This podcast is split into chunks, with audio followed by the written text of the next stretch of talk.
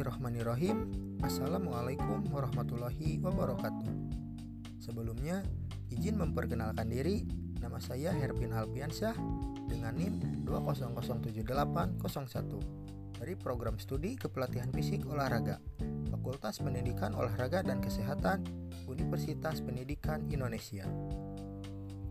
Pada kesempatan kali ini, saya ditugaskan untuk memaparkan tanggapan saya mengenai tinjauan historis Pancasila.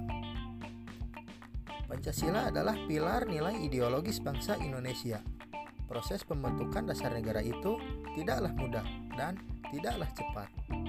Karena di samping itu, banyak para pahlawan yang berjuang tentang bagaimana caranya terlepas dari penjajahan dan bisa merdeka. Mungkin sudah banyak yang mengetahui bahwa Pancasila lahir pada tanggal 1 Juni 1945. Pembentukan Pancasila diawali dengan adanya sidang BPUPKI pada tanggal 29 Mei 1945 yang dihadiri oleh beberapa tokoh seperti Insinyur Soekarno, Mr. Muhammad Yamin, dan Mr. Supomo sehingga menghasilkan berbagai asas. Setelah sidang BPUPKI, kemudian berlanjut dengan diadakannya Piagam Jakarta pada tanggal 22 Juni 1945 dan dihadiri oleh penitia 9 yang akhirnya menghasilkan rumusan sistematis dasar negara yang lebih dikenal dengan sebutan Piagam Jakarta. Pada tahun 1949 sampai 1950 muncullah Konstitusi Republik Indonesia Serikat dan Undang-Undang Dasar sementara yang di dalamnya berisikan bahwa Pancasila dirumuskan menjadi lebih singkat.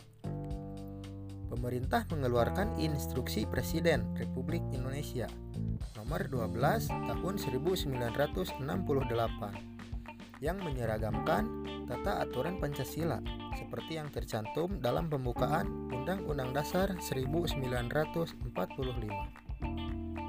Dengan demikian, bahwa Pancasila adalah dasar negara yang dipergunakan untuk mengatur penyelenggaraan pemerintahan negara.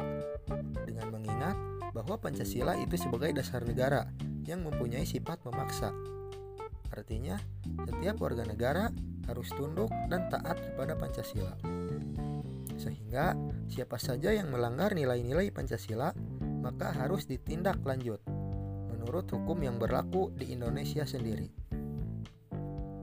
Sehingga dapat saya simpulkan bahwa kedudukan Pancasila adalah sebagai sumber tertinggi di Indonesia, mulai dari nilai-nilai Pancasila pertama sampai nilai-nilai Pancasila kelima yang harus diimplementasikan dalam kehidupan berbangsa dan bernegara. Mungkin cukup sekian untuk pembahasan saya kali ini. Terima kasih. Wassalamualaikum warahmatullahi wabarakatuh.